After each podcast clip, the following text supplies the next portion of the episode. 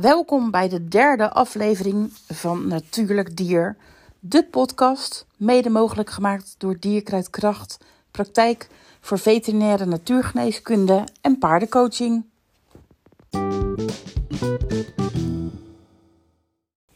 In deze aflevering staat het paard centraal. We zijn te gast bij Horses in Hens in Hazelswoude-dorp bij Astrid Hoppenbrouwers.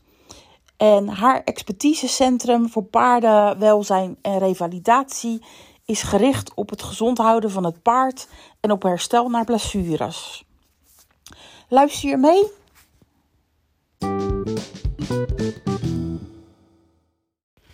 Op de achtergrond hoor je de loopband en de aquatrainer. Want ja, we zijn op locatie bij Horses in Hands. En dat gaat heel de dag door. Uh,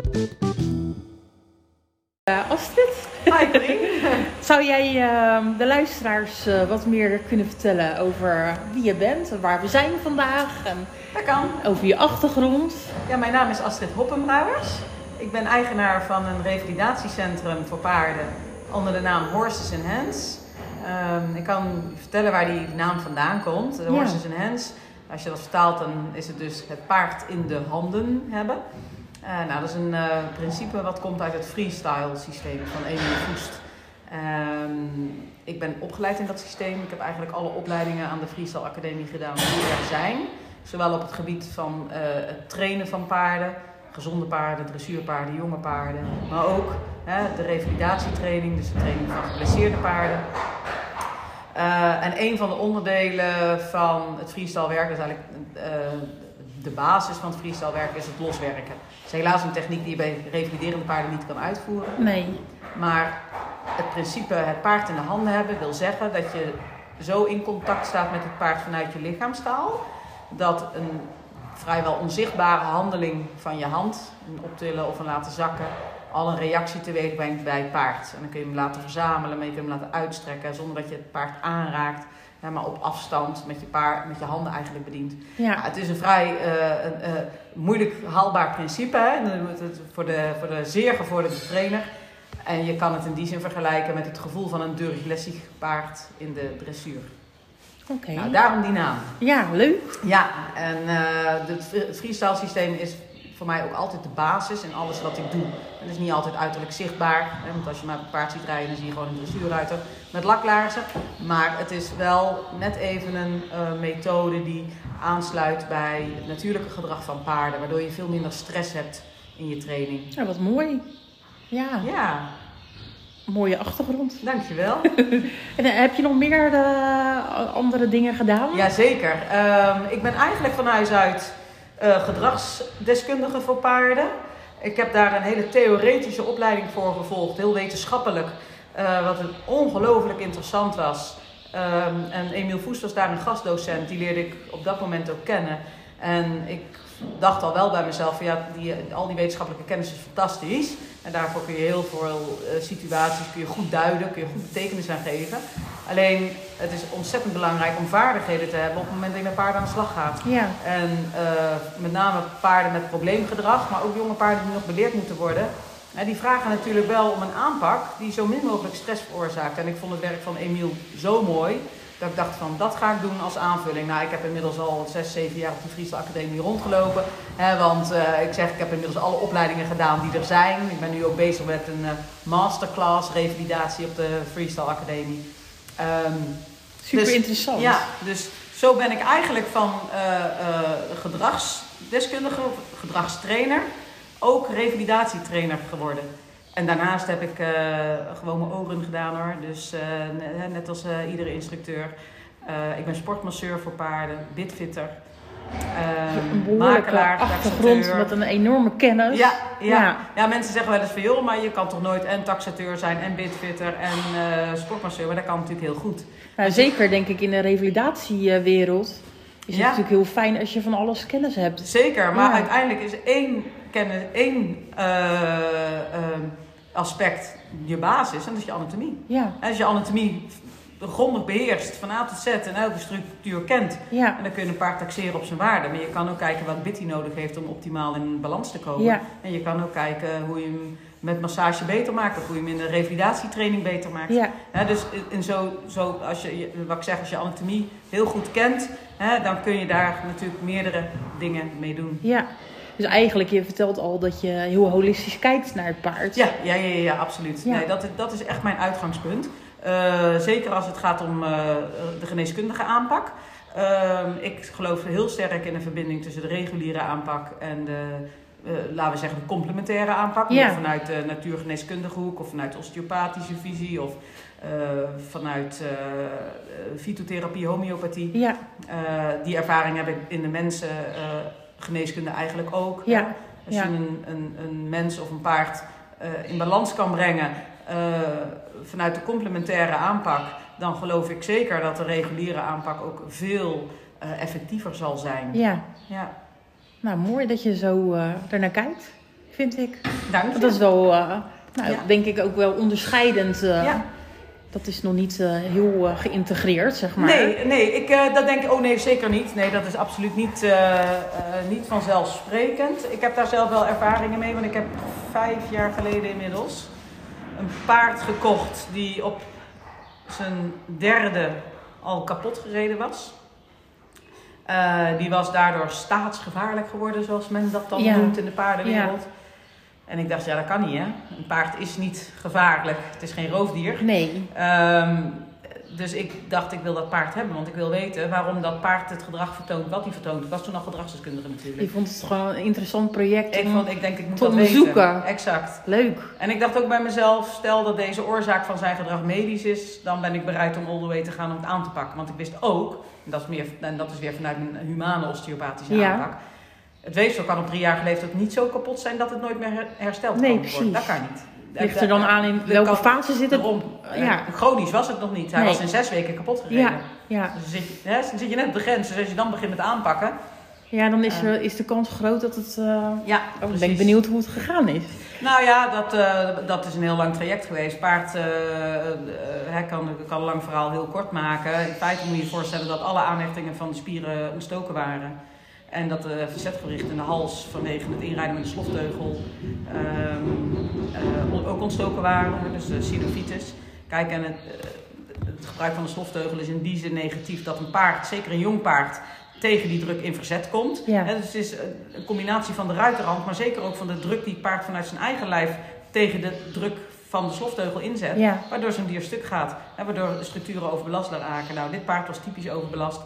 Verzetgerichte aanhechtingen, spieren, alles ontstoken. Het heeft drie jaar geduurd om hem te genezen. Eh, en dat is voor een heel groot, ja, eigenlijk voor het grootste gedeelte, is dat op een reguliere manier gedaan. Ja. Door het gebruik van IRAP, dat zijn eh, lichaams-eigen bloedcellen. eh, die eh, op de locatie van de ontsteking worden ingespoten. Waar, waarbij het paard opnieuw een boost krijgt om zichzelf eh, te genezen. Ja, Maar ik ben ook bij de holistische praktijk Den Hoek geweest. ja, Eh, dit paard was natuurlijk niet alleen fysiek getraumatiseerd, maar ook eh, mentaal. Had geen enkel vertrouwen in wie dan ook. Eh, en dan kun je zo'n paard ook heel mooi ondersteunen. Ja. In dit geval met kruiden, met homeopathie, met eh, eh, ja, meer een energetische aanpak, Ja. laat ik maar zeggen. Waardoor er ook gaandeweg meer rust in dat paard kwam. Nou, dan kun je je voorstellen dat zo'n allopathische aanpak van de dierenarts ook gewoon veel beter aanpa- ja, aansluit. ja. Ja. Dus dan een mooie eh, samen, samenwerking, zeg maar, tussen twee verschillende... ja, ja, ja, ja, en over en weer hebben ze ook wel mekaars inzichten overgenomen. Dus dat was ook wel heel, eh, heel ja, verrijkend. Bijzonder, ja. absoluut. Mooi. Ja. En het, het paard is weer helemaal... eh, paard is weer helemaal genezen. Ehm, als je hem op de röntgenfoto's zet en op de echo's, dan is die puntgaaf. Misschien wel gaver dan elk ander paard. Ik zeg het er wel heel eerlijk bij. Het is nu sinds twee maanden dat hij het vertrouwen weer terug heeft. Oké. Dus dat heeft Heeft echt wel heel lang geduurd. Ja. ja. Maar goed, wel mooi dat Ja. het dier ook de kans heeft Oh ja, gekregen. zeker. Ja, absoluut. en dat je dat eh, zo eh, hebt eh, aangedurfd. Ja. Ja. Ja. Ja. dan zie je ook weer wat, wat kennis ook weer bijdraagt. Nou ja, precies. Eh, ik had een bepaalde kennis en die wilde ik getest hebben in de praktijk. ja. En het gebeurt niet vaak dat een paard de kans krijgt om, om, om drie jaar lang bij een dierenarts te lopen en Nee. vervolgens te revalideren. En eh, dat, de paardenwereld is meer gericht op ja, toch de kortere termijn. Hè? Ja. Paarden worden vaak eh, ook beoordeeld op de, op de waarde die zo'n paard vertegenwoordigt. En, wat je veel ziet, hè, vind ik, is dat eh, men erop gericht is om een paard in waarde te doen stijgen. Eh, maar reëel is het om te aanvaarden dat een paard gewoon geld kost. Ja, En eh, ik vond het ehm, niet ethisch als dit paard afgemaakt zou worden, omdat het eigenlijk door de snelle handel zo kapot gereden was. Dan denk ik van ja, maar ja zo dat is ga- gewoon zo- dan niet, niet eerlijk tegenover het paard. Hè? Nee, zo ga je niet met leven Nee, om. Of nou een paard is of een hond of een mens of een, of een konijn. Maar dat, dat gaat er bij mij gewoon niet in. Nee. Dat, dat vind ik echt zwaar onethisch. Eh, en daarom dacht ik van nee, ik vind dat dit paard gewoon de kans verdient om, om Ja. te helen. Ja, Nou, hij was puntgaaf toen hij in de opvolk liep. Hij is in zes weken kapot gereden. ja, ja. Nou, dan- Nou ja, weet je, als je die informatie al hebt, dan Ja. start je zoiets natuurlijk ook op een andere manier. ja, Want, Ja. want eh, nou, je geeft aan, het paard heeft ongeveer drie jaar erover gedaan om echt helemaal weer in balans te komen. En, ja, want, om puur te genezen. Dan praat ik nog niet eens helemaal in balans. Hij is Nee, nu pas precies. in balans. Dan zijn we vijf jaar verder. ja, Ja, want balans vind ik ook dat het mentale stuk. Ja. Dat hij het vertrouwen ook heeft. Want vanuit vertrouwen kan hij ook pas helemaal ontspannen. ja, En vanuit die ontspanning kan hij pas echt gaan ontwikkelen. ja, maar eer dat al die ontstekingen eh, genezen waren, dat heeft drie jaar geduurd. Dat waren er ook zoveel. Je kon ze ook iemand gelijk aanpakken. Je dan ook paarden die drie tot vijf jaar eh, bij jou in Nee. behandeling zijn? Nee, dat gebeurt niet. Dat, dat is wel Nee. kortere trajecten. Precies, dat gebeurt niet. Maar ik wil mijn eigen casus, hè, van mijn eigen paard, Ja, wil ik dus wel als voorbeeld hou- eh, ehm, houden. Om, om die kennis die ik heb opgedaan over te dragen. ja, Want laat het in godsnaam niet zo ver komen dat een paard Nee, drie jaar moet revalideren. Betrek op tijd aan de bel. Bij Ja. een kleine gedragsverandering, eh, of, of wanneer de training niet meer loopt zoals, het, zoals je gewend was, zonder dat hij hartstikke kreupel is, kun je eigenlijk al jezelf achter je oren krabben en denken, hmm, misschien is er iets dat aan de klopt hand. iets niet. En dan kun je inderdaad naar een dierenarts gaan, maar je kan ook iemand zoals jij, iemand die meer holistisch kijkt, een keertje laten komen. Want Ja. die haalt ook de problemen er wel uit. Ja, Maar in ieder geval is het heel belangrijk om te aanvaarden dat als een paard iets van verandering laat zien, dat er zeker wat aan de hand is. ja. Is eigenlijk de manier waarop ze communiceren met ons. Daarom. Ja. En het is natuurlijk als prooidier zullen ze pas in een laat stadium aangeven dat er echt iets mis is. Ja, Als een paard echt kreupel is, zichtbaar voor het oog, dan is hij al lang bezig met het ontwikkelen van een probleem. ja, Eh, en als hij al een gedragssignaal laat zien, hoe klein ook, dan geeft hij al aan van er er is iets. iets niet lekker. Dus Ja, het is wel tijd en een signaal om Ja. eh, iets mee te doen. Ja. Ja, Ja, dus ik vind het ook heel belangrijk dat mensen ehm, niet alleen kennis hebben van anatomie en, en, en hoe structuren overbelast kunnen raken en stuk kunnen gaan. Maar ik vind het ook heel belangrijk dat mensen eh, kennis krijgen van paardengedrag. ja. Van hoe subtiel de signalen van paarden zijn. Zodat je veel scherper naar je eigen paard leert kijken en je op die manier veel beter leert kennen. En die kennis die draag je ook over. Ja, dat doe ik sowieso eh, tijdens mijn eh, instructie. Hè, dus ehm, eh, dat, dat kan in een gewone dressuurinstructie zijn. Maar dat kan ook tijdens de behandeling zijn in, de- in een sportmassagesessie. Gebeurt ook dat ik ga bitfitten. En dat ik het een en ander uitleg over hoe dat specifieke paard beweegt en waar dat mee te maken kan hebben. Hè? Ja. Om mensen op die manier die inzichten te geven. Maar omdat ik het komend jaar mijn centrum ga uitbreiden met een eh, educatiecentrum, is het ook de bedoeling dat we dat in seminars en workshops gaan doen en tijdens lezingen. Hè, waarbij je aan de ene kant een heel stuk theorie overdraagt, zonder dat dat heel taai hoeft te zijn hoor, maar gewoon heel praktisch gericht van, nou ja, inderdaad, hoe leer je dat nou om je paard goed te observeren? Ja. Maar waarbij je ook door het aanbieden van workshops hè, mensen naar huis stuurt met een, met een eh, grote dosis vaardigheden. Want ook dat is belangrijk. Want hoe, Hoe ga je ermee aan de slag? Exact. Ja. ja. En Ja. weer wat nieuwe inzichten in eh, nieuwe mogelijkheden. Precies. Ja. En waar zou je dan aan denken bijvoorbeeld?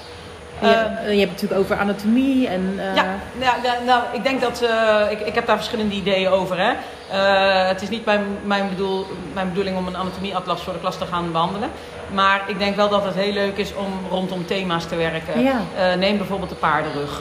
Je kunt denken aan, nou, wat, hoe ziet zo'n rug eruit? Hoe, hoe zit die in elkaar? Nou, dat, dat is de basis natuurlijk. Maar welke bewegingen zijn er mogelijk? Welke bewegingen zijn afwijkend? Waar komen afwijkende bewegingen vandaan? Eh, hoe voelt een gezonde rug? Hoe voelt een pijnlijke rug? Waar kun je een pijnlijke rug aan herkennen? Hoe ligt je zadel? ja. Eh, ook zoiets. Hoe zit je zelf als ruiter? Hè, eh, wat doet een, een ruiter die niet in balans zit met, een, met de balans van een paard? ja. Hè, zo zo, Ja, zo eigenlijk ook weer heel holistisch aan eigenlijk, precies. vanuit allerlei invalshoeken. Ja. ja. Ja, ja. mooi. Want je hebt verteld over alle kennis die je hebt eh, verzameld in de loop van de jaren. Hoe ben je er eigenlijk toe gekomen om tot deze, nou, deze vorm van eh, behandelingen te komen in het revalidatiecentrum? Eh, Dat is een hele goede vraag. Ehm, ik denk dat mijn eigen paard, waar ik het net over had, de katalysator is geweest om dit te gaan doen. Omdat toen ik mijn zoektocht met hem startte, ehm, toen ging er in feite een wereld voor me open die ik niet kende. Ehm, want hij is niet de enige. Nee. Hij, hij is niet het enige paard. Je moet je ook voorstellen dat dit een paard is met zeer veel potentie. Ehm, die wel voor de hogere eh, sport eh, aanleg heeft, maar ook voor het topsegment eigenlijk geschikt was. En er zijn er natuurlijk heel veel, want de fokkerij, hè, de fokkerij is gewoon top. Ehm, en ik heb daar niks op tegen, laten we dat heel eh, duidelijk voorop Mhm. stellen. Maar waar ik wel op tegen heb, is dat er mensen zijn die niet de vaardigheden hebben, maar die wel het geld eraan willen verdienen. En die dus zo'n paard op een hele snelle manier eh, naar een hoger plan willen Ja. eh, trekken, zodat hij voor 10.000 euro meer verkocht kan worden Precies. als het niet meer is. Snap ja, je? Ja. En dan krijg je dus perverse prikkels in de paardenhandel en in de paardenhouderij en in de training van paarden. En daar ben ik een heel groot tegenstander van. Dat vind, ik vind dat echt zeer onethisch.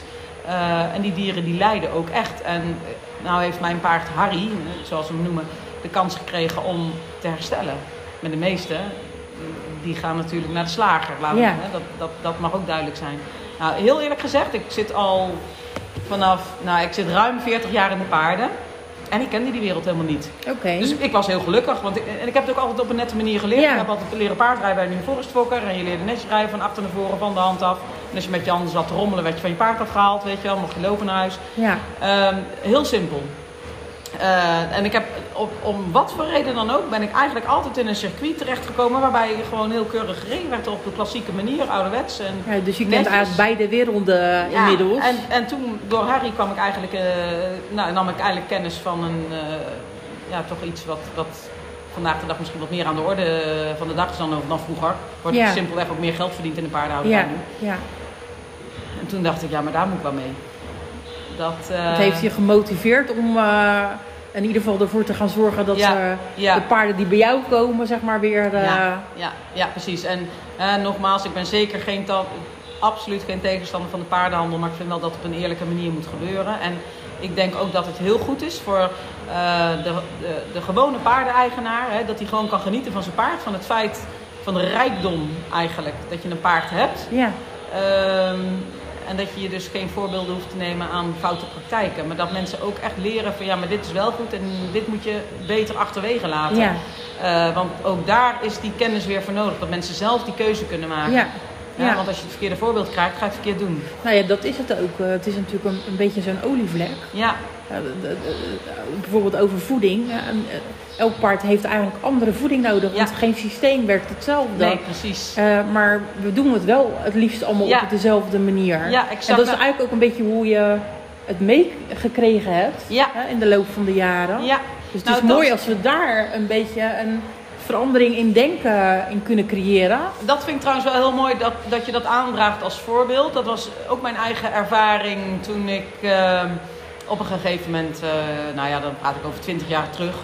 Toen, toen viel het me op dat er zoveel meningen zijn in paardenland. Die zegt dit, die zegt Ja. dat.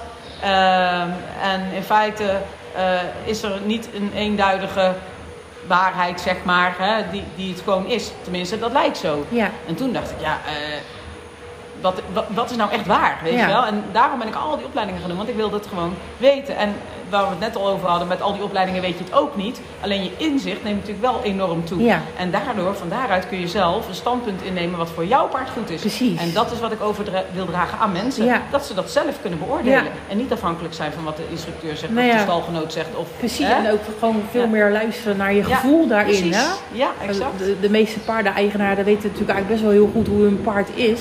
Ja. En als daar dan iets in verandert, Ja. ja, dan zeg ik ook altijd maar van luister maar naar je gevoel, want dat Precies. klopt meestal wel. Precies. En ga dan op onderzoek uit. Hij gaat dan op onderzoek uit, Ja. inderdaad. En als je vanuit je gevoel op zoek gaat naar de juiste kennis, dan wordt het ook duidelijker om je gevoel te laten spreken. Ja, Ja. ja. Ja.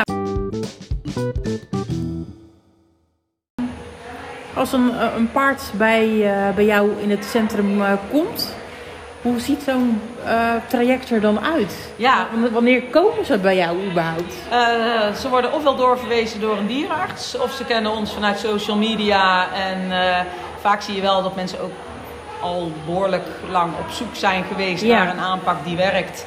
En dan komen ze. Mijn boodschap zal wel altijd blijven van kom juist wanneer de twijfel toeslaat. En niet als je al alles geprobeerd Ja. hebt. Want hoe effectiever de aanpak is, hoe sneller je er weer op zit. Ja, ja. Ehm, eh, maar goed, zo zijn er verschillende wegen en motivaties waarom eigenaren met hun paarden bij ons komen. En als zo'n paard dan komt, dan doen we eerst altijd een heel uitgebreid onderzoek. Natuurlijk hebben we de diagnose van de behandelend dierenarts. Die Ja. blijft ook altijd betrokken in het hele verhaal.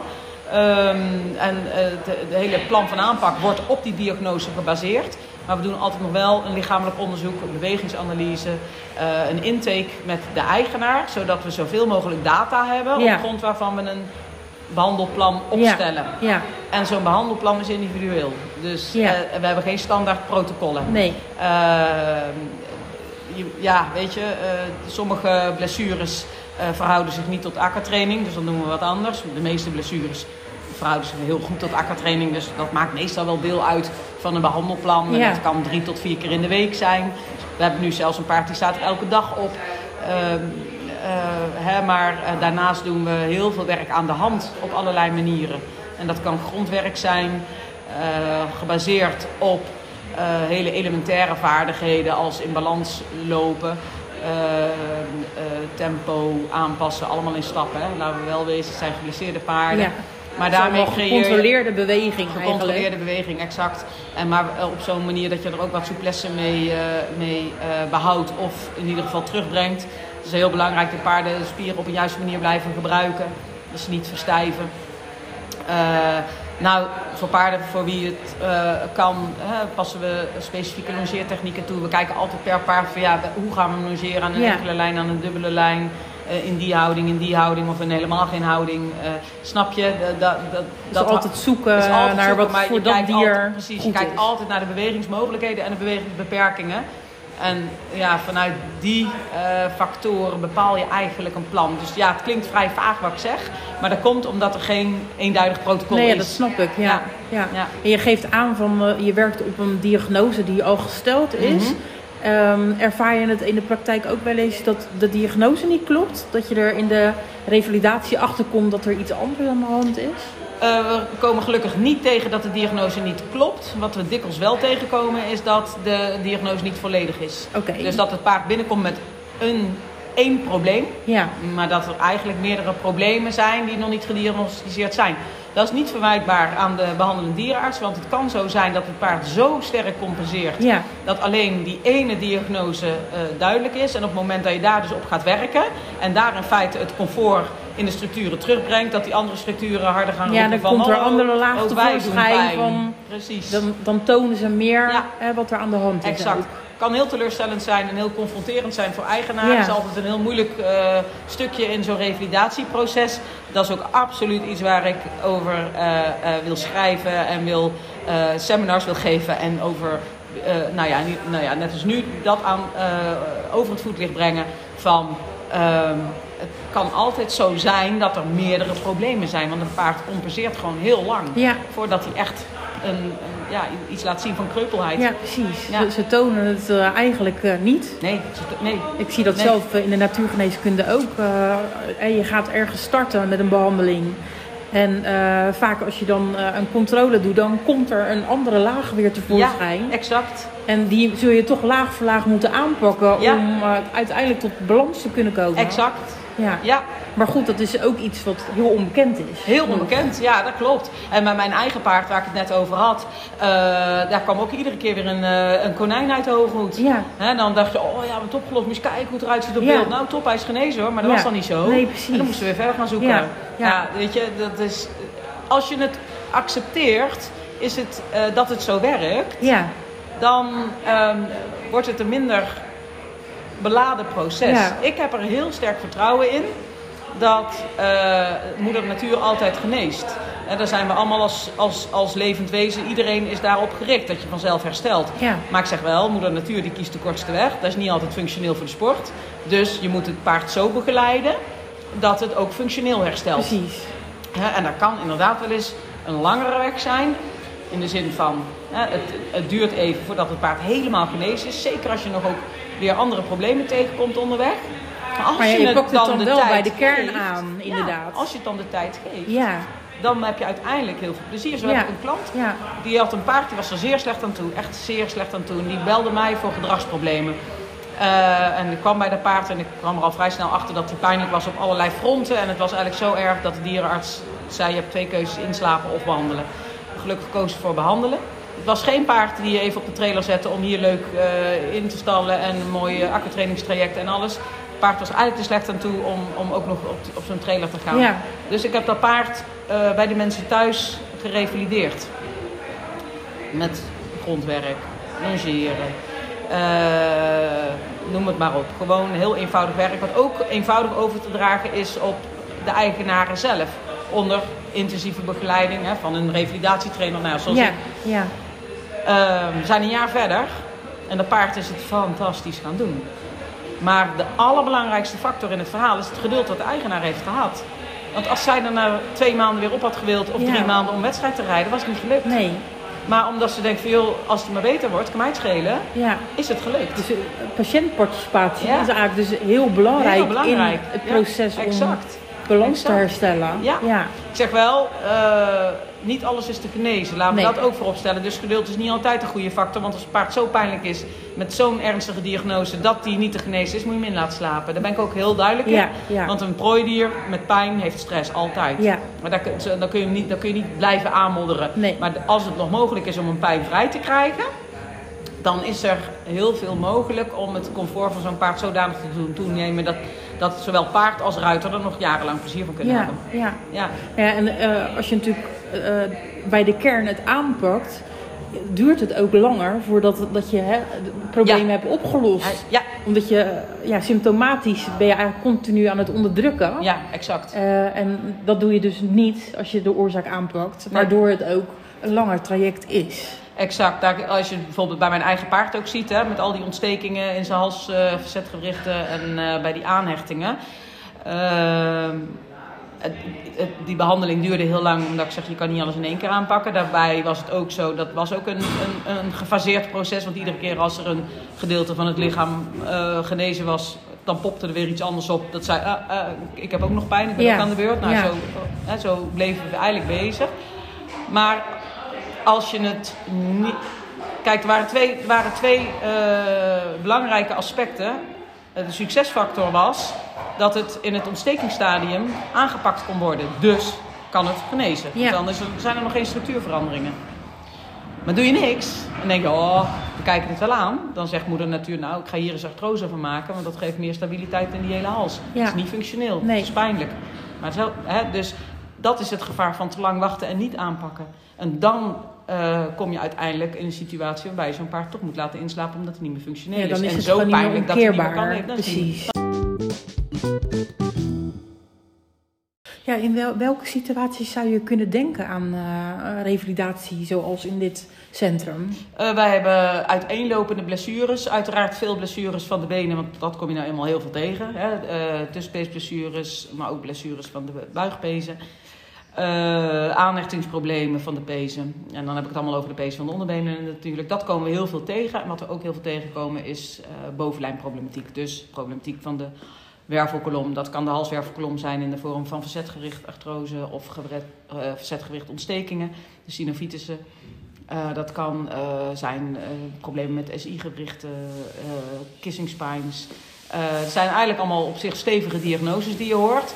Eh, maar dat wil, wil namelijk niet zeggen dat al die diagnoses per se leiden tot het einde van eh, eh, de sportbeoefening of van misschien wel het leven van een paard.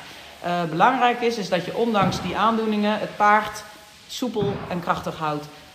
En een, een krachtig spiercorset is ontzettend belangrijk om problemen in de wervelkolom te ondervangen.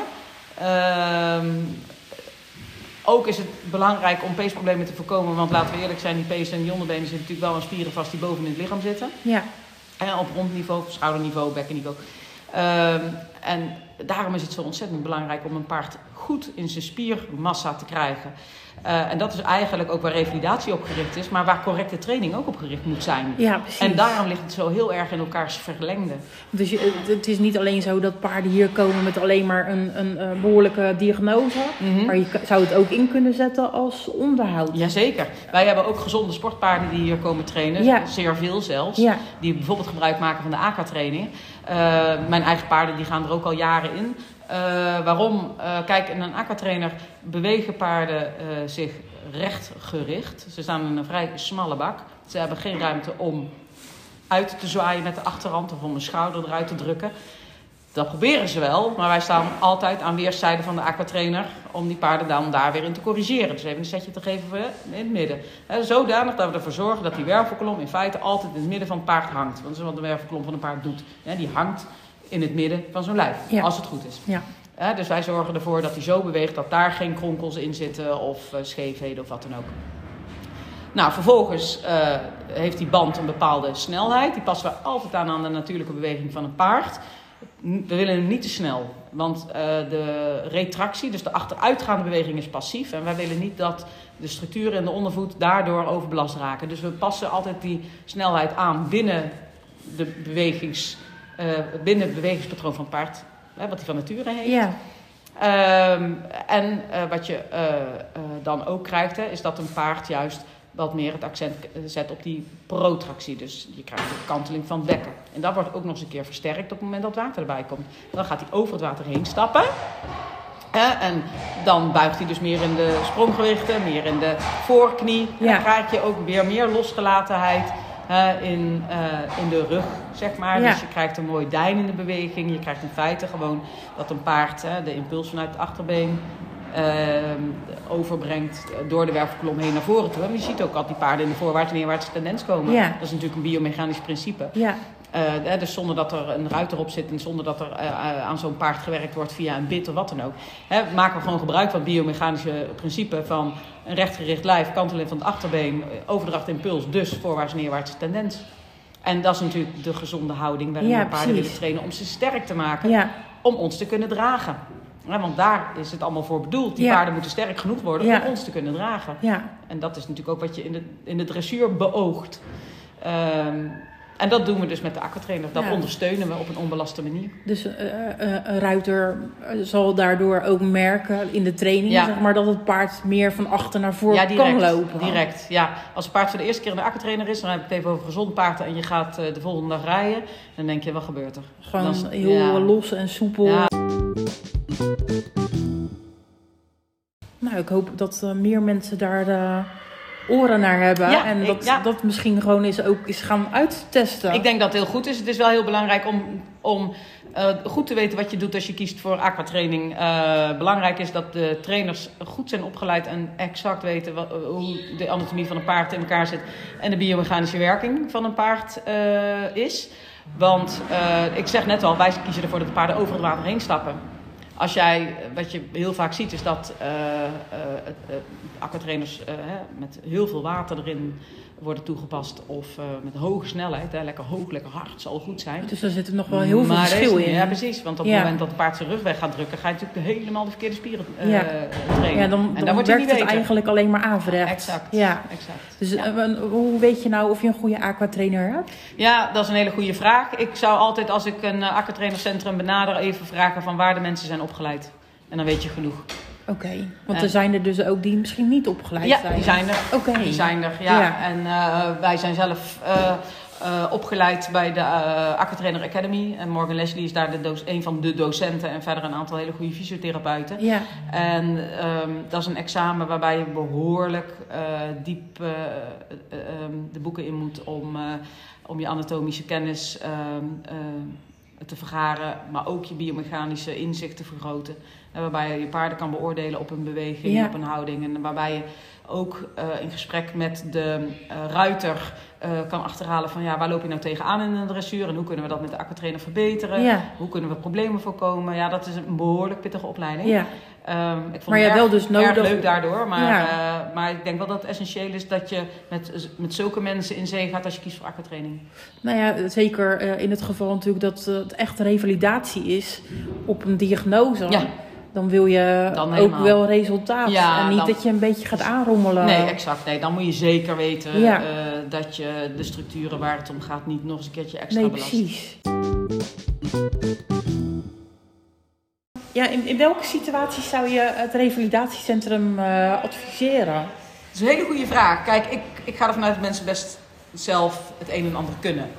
Eh, maar heel belangrijk is om op een gegeven moment ook bewust te zijn van waar komt die blessure nou vandaan. Want hij lijkt acuut, maar vaak is er al een proces van overbelasting aan vooraf gegaan. Ehm, een keer werd iemand heel erg boos op mij. Die stelde mij de vraag van... Hoe komt het nou dat paarden geblesseerd raken? Ik zei, nou dat is heel simpel. Dat is omdat we ze gebruiken. Die, ging, eh, die werd boos. Die zei, oh, dan ga je kort door de bocht. Maar heel eerlijk gezegd, een paard in de natuur... zal best eens een keer een blessure oplopen. Een acute blessure. Een beenbreker of een wond of wat dan ook. Ja, Maar geen overbelastingsblessure zoals een beest. nee. En dat is natuurlijk wat we wel het meeste zien. En dat vind ik helemaal niet verwijtbaar. Maar ik denk wel dat op het moment dat een paard geblesseerd is, dat het de taak van de eigenaar is om toch te achterhalen, ja, hé, maar waar komt het vandaan? En dan kan een revalidatiecentrum ook het aangewezen punt zijn om die informatie te achterhalen. Ja. En je hoeft niet meteen eh, je paard hierin te stallen en aquatraining te kiezen, maar je kan ook gewoon eens het gesprek aangaan van, hé, hey, ik loop hier tegenaan. En wat we ook wel zien dat mensen voor de tweede of de derde keer dezelfde blessure hebben, nou, dan is het toch wel tijd om een keer in gesprek te gaan en gewoon eens Ja. te kijken van, joh, eh, eh, hoe is je Waar komt het nou vandaan? hoe is je training? Ja. Hoe is je eigen houding en zit op een paard? Eh, hoe is je voeding? Weet je wel, dat zijn allemaal aspecten die bijdragen aan de gezondheid van een paard. En nogmaals, als het fout gaat, vind ik dat helemaal niet verwijtbaar. Absoluut niet. Want eh, ik denk dat we wat dat betreft wel een van de moeilijkste sporten hebben met, met die paarden. Eh, Het blijft een, een levend eh, dier. ja, maar ik denk wel dat eh, zo'n moment van een blessure het uitgelezen moment is om jezelf te verrijken hè, met de kennis die, eh, die nodig is. En dat kan een, een revalidatiecentrum bieden. Ja, Maar een revalidatiecentrum kan je inderdaad ook daadwerkelijk ondersteunen. Eh, bijvoorbeeld, zoals ik je net vertelde, van die, en dat paard eh, wat bij de mensen thuis stond. eh, dan helpen we gewoon op locatie. En dan letten we erop dat het paard in de training eh, goed rechtgericht wordt. Dat hij zichzelf niet scheef belast. eh, dat hij de spieren op de juiste manier aanspant en ook weer ontspant. Hè, want dan train je een paard gewoon naar gezondheid toe. Eh, en aan de andere kant, wanneer het ook wel heel handig is om een revalidatiecentrum daadwerkelijk in te zetten, is als je gewoon een hele drukke baan hebt. Dan moet je drie, drie keer tien minuten Ja. aan de hand stappen met Ja. een peesblessure.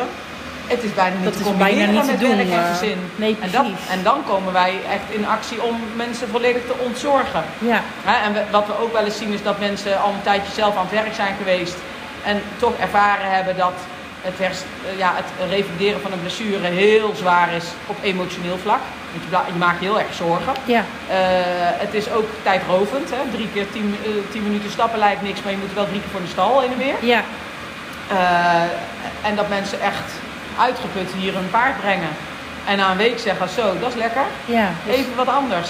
En dan, begrijp ik. En Ja. is dan fijn Ja. dat, dat de zorg even uit de handen wordt genomen. exact. Ja, Exact. ja, dus zo kunnen we op verschillende manieren ondersteunen. ja.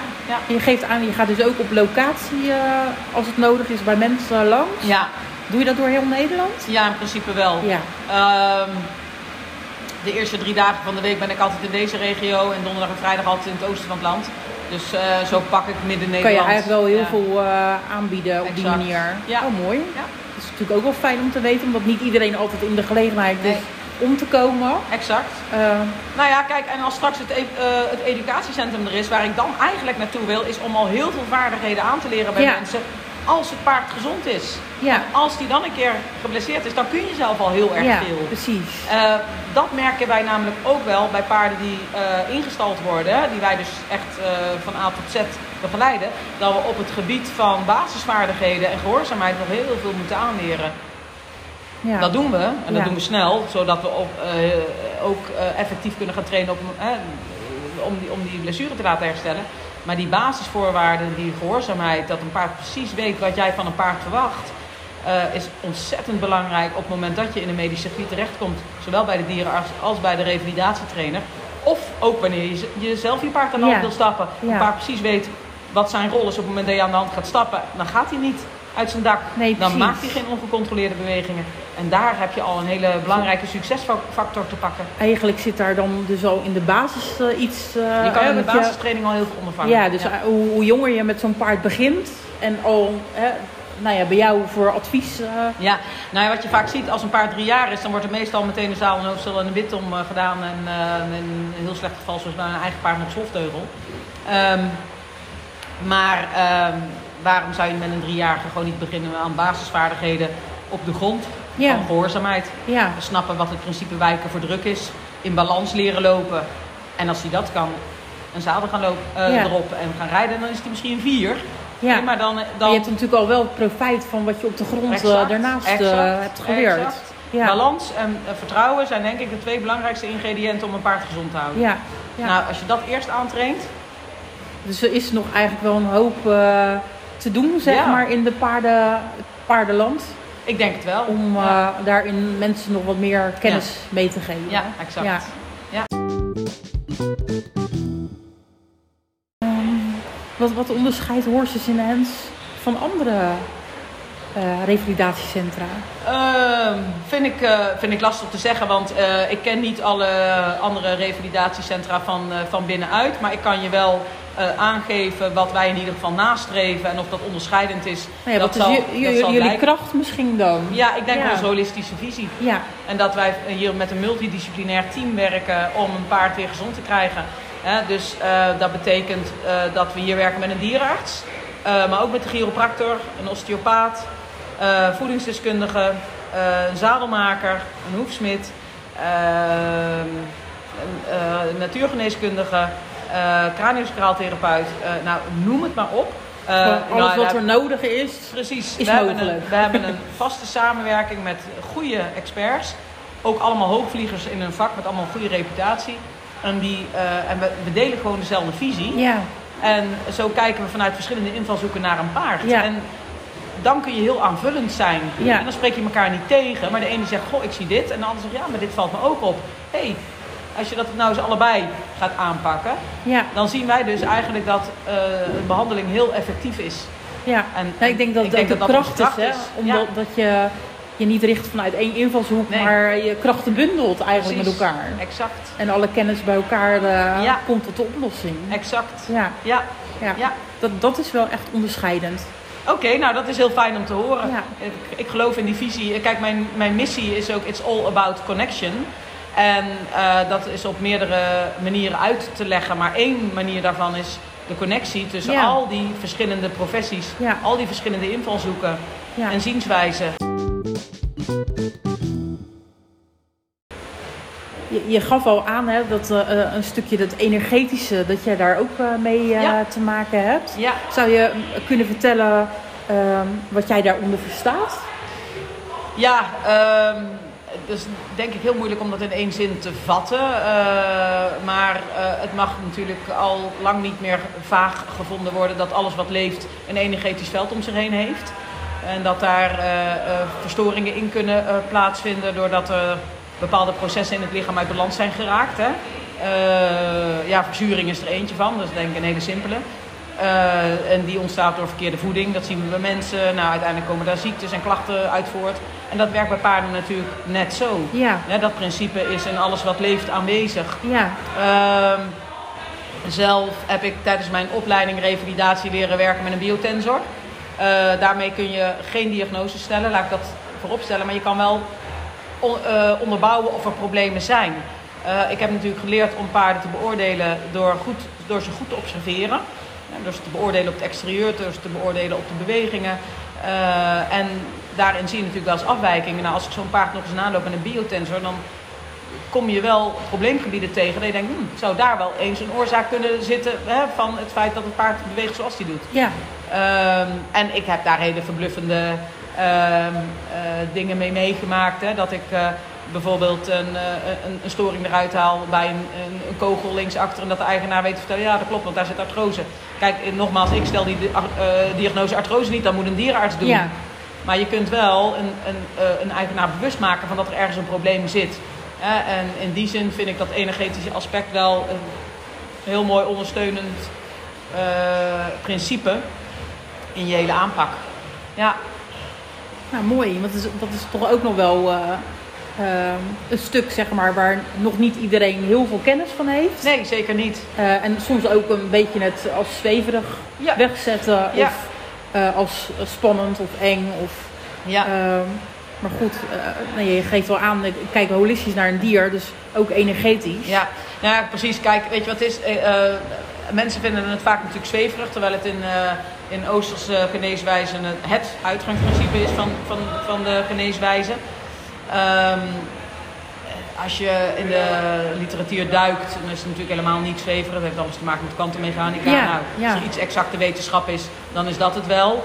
Maar ehm, ehm, eh, het, het, is nog niet zo bekend. En daardoor blijft het natuurlijk toch een beetje een, eh, een, een zweverig imago houden. Ik ben overigens niet geschoold in het eh, oplossen via de energetische manier. Daar zul je denk ik meer moeten werken met eh, natuurgeneeskunde of homeopathie of zo. Eh, hoewel een osteopaat uiteindelijk natuurlijk toch ook wel op, hè, met die principes bezig is. Ja, en dat Ehm, ligt natuurlijk ook allemaal in, ja. in verbinding met elkaar. Dus, allemaal- exact.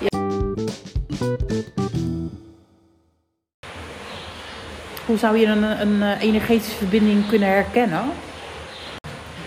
Laat ik het zo zeggen. eh, ik werk als trainer, instructeur natuurlijk wel op de communicatie tussen ruiter en paard. Eh, en ik heb daar een hele technische aanpak voor. Namelijk de techniek van het freestyle systeem. Een vorm van natural horsemanship. Ja, Eh, maar iedereen die in dat vakgebied bedreven is, en of dat nou het freestyle systeem is of een andere vorm van natural horsemanship, dat maakt niet uit. Komt op een gegeven moment natuurlijk op een niveau waarbij de energetische werking, dus het, het, het onzichtbare, veel belangrijker wordt. En dan krijg je, oh, dan heb je een paardenfluisteraar. Maar dat is natuurlijk onzin. Het is, eh, het is een hele verfijnde manier van eh, correct lichaamsgebruik. Maar dan kom je op zo'n diep niveau Ja. van je lichaam uit. Dat je het energetisch kan noemen, Ja. omdat er geen grote bewegingen meer Ja. mee gemoeid zijn. Ja. Maar kleine bewegingen zijn ook bewegingen. Precies. Snap Ja. je? Onzichtbare bewegingen, eh, die noemen we dan misschien wel energetisch. Ja, ja. Hoe zou je een, een energetische verbinding kunnen herkennen? Tussen paard en ruiter? Ehm, ja, ik, dat, dat kan zich. eh, ja, weet je wat het is? Kort, kort door de bocht. Een, een positieve verbinding vertaalt zich in harmonie. Dat herkennen we allemaal. En een negatieve verbinding eh, ehm, eh, vertaalt zich in frustratie. En ook dat kennen we allemaal. Ehm, en het probleem is dat, kijk, met harmonie heeft niemand moeite mee. Dat, is allemaal, dat klopt natuurlijk, hè, daar genieten we, genieten we allemaal van. Maar frustratie is natuurlijk wel de meest confronterende emotie die er is. En eh, mensen zullen geneigd zijn van nature om dat weg te drukken, om dat te ontkennen. Terwijl frustratie eigenlijk de emotie is die je moet onderzoeken Ja, om tot harmonie te kunnen komen. ja, Ja, dus dus eh, zo, en zo ken je het. ja, Iedereen herkent dat. Alleen de weg van frustratie naar harmonie is wel een moeilijke. ja, En die eerste, met name die eerste stap om te, om, om, om te durven eh, eh, onderkennen dat er sprake is van een probleem. Die mogelijk ligt bij de ruiter. Ja. Die mogelijk ligt bij het niet helemaal bekwaam zijn. Of misschien wel bang zijn van dat paard. En dan dus vertalen in, in frustratie. Ja. Het, het, het elkaar niet begrijpen. Eh, en in principe ja, kunnen we dat natuurlijk allemaal als negatief beoordelen. Maar in feite zijn het gewoon hele simpele, normale dingen van het leven. Ja. iedereen kent frustratie, iedereen kent mislukkingen, iedereen kent problemen. Ja. Moet je niet voor weglopen. Nee. Alleen dat doen we wel graag omdat onze maatschappij nou eenmaal succes verlangt. ja, Eh, maar ik denk dat je pas echt tot dat succes en die harmonie kan komen op het moment dat je dus in staat bent om te zeggen, nou oké, ik heb een probleem en dan ga ik wat aan doen. ja. Zo simpel. Wat zou dat dan voor het paard eh, qua gezondheid of welbevinden En kunnen voor het paard zou opleveren? dat heel veel verschil maken. Want eh, kijk, en dat weten we natuurlijk ook wel een beetje uit jouw vak, hè, van de paardencoaching. Dat paarden eh, zo scherp zijn afgesteld als prooidier dat ze graag hebben dat degene met wie ze te maken hebben congruent zijn. Met andere woorden, dat emotie en gedrag met elkaar in, eh, in harmonie zijn. Ja. In ieder geval, een paard vindt het helemaal niet erg als je gefrustreerd bent. Als je daar maar voor toegeeft waar de frustratie vandaan komt. Als je bang bent voor dat paard, kan je dat beter laten zien Ja. dan wanneer je het paard gaat proberen te domineren vanuit, Ja. je, vanuit je angst. Ja. Of wanneer je verdrietig bent, nou laat het, laat het maar zien. Zo'n paard krijgt, loopt eerder van je weg als het die klopt. Ik ben benieuwd of je zelf nog iets toe te voegen hebt.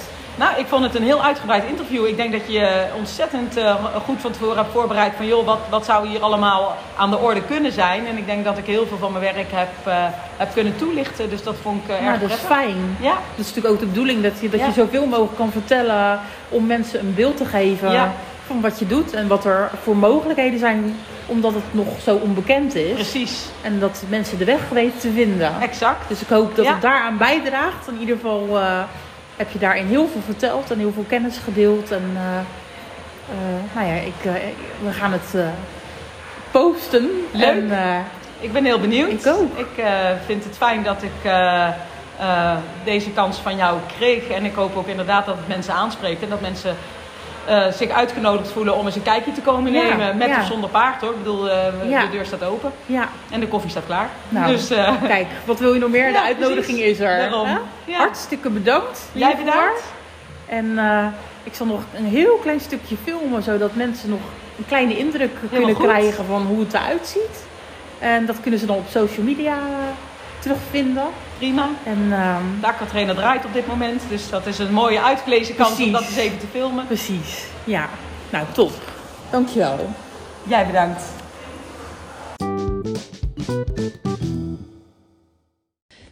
Je hebt geluisterd naar een inleiding door Astrid Hoppenbrouwers van Horses in Hands.